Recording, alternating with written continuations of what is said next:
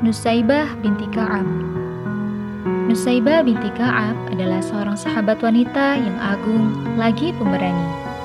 Banyak jasa telah ia ukir dalam perjuangan dakwah Islam. Ummu Umarah, demikian ia biasa dipanggil, adalah salah satu contoh keberanian yang abadi. Ia merupakan sosok pahlawan yang tidak pernah absen melaksanakan kewajiban bila mana ada panggilan untuknya. Semua target perjuangannya ditujukan untuk kemuliaan dunia dan akhirat.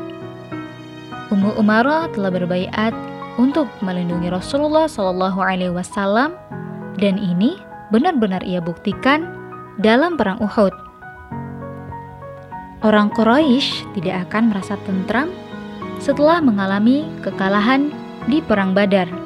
Rasa benci, marah, dan dendam kepada kaum muslimin terus menyelimuti pikiran mereka. Maka setahun setelah perang Badar, orang-orang Quraisy berhasil menghimpun 3.000 tentara yang siap menyerang kaum muslimin.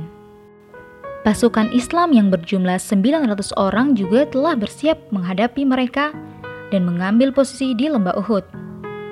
Rasulullah menyiapkan 50 pasukan panah untuk melindungi pasukan Islam jika ada serangan dari arah belakang.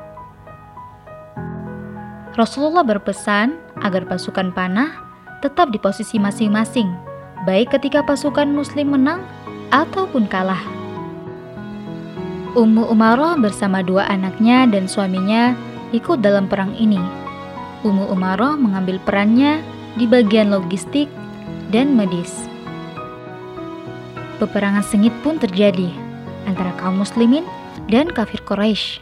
Sampai akhirnya kemenangan sudah berada di pihak pasukan muslim kaum muslimin bergembira dan mulai mengumpulkan harta rampasan perang. Namun, apa yang terjadi dengan pasukan panah? Ya, mereka lupa akan pesan Rasulullah untuk tetap di posisi semula. Mereka ikut mengumpulkan harta rampasan perang. Pada saat itulah, musuh mendapatkan kesempatan emas untuk menyerang pasukan Islam dari arah belakang dan berusaha membunuh Rasulullah pasukan muslimin pun menjadi kacau balau. Melihat kondisi Rasulullah yang terdesak dan menjadi sasaran musuh, maka Ummu Umaroh dan beberapa sahabat lainnya bergegas melindungi Rasul.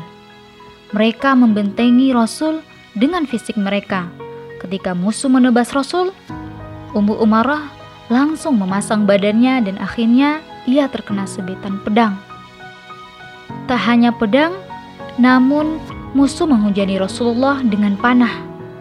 Ummu Umarah masih setia melindungi Rasul hingga akhirnya panah menghujam dirinya. Hari itu ada sekitar 13 luka sebetan pedang di tubuh Ummu Umarah. Meskipun tubuhnya telah penuh dengan darah dalam perang Uhud, itu semua tidak menghentikan langkahnya untuk tetap ikut berperang di jalan Allah.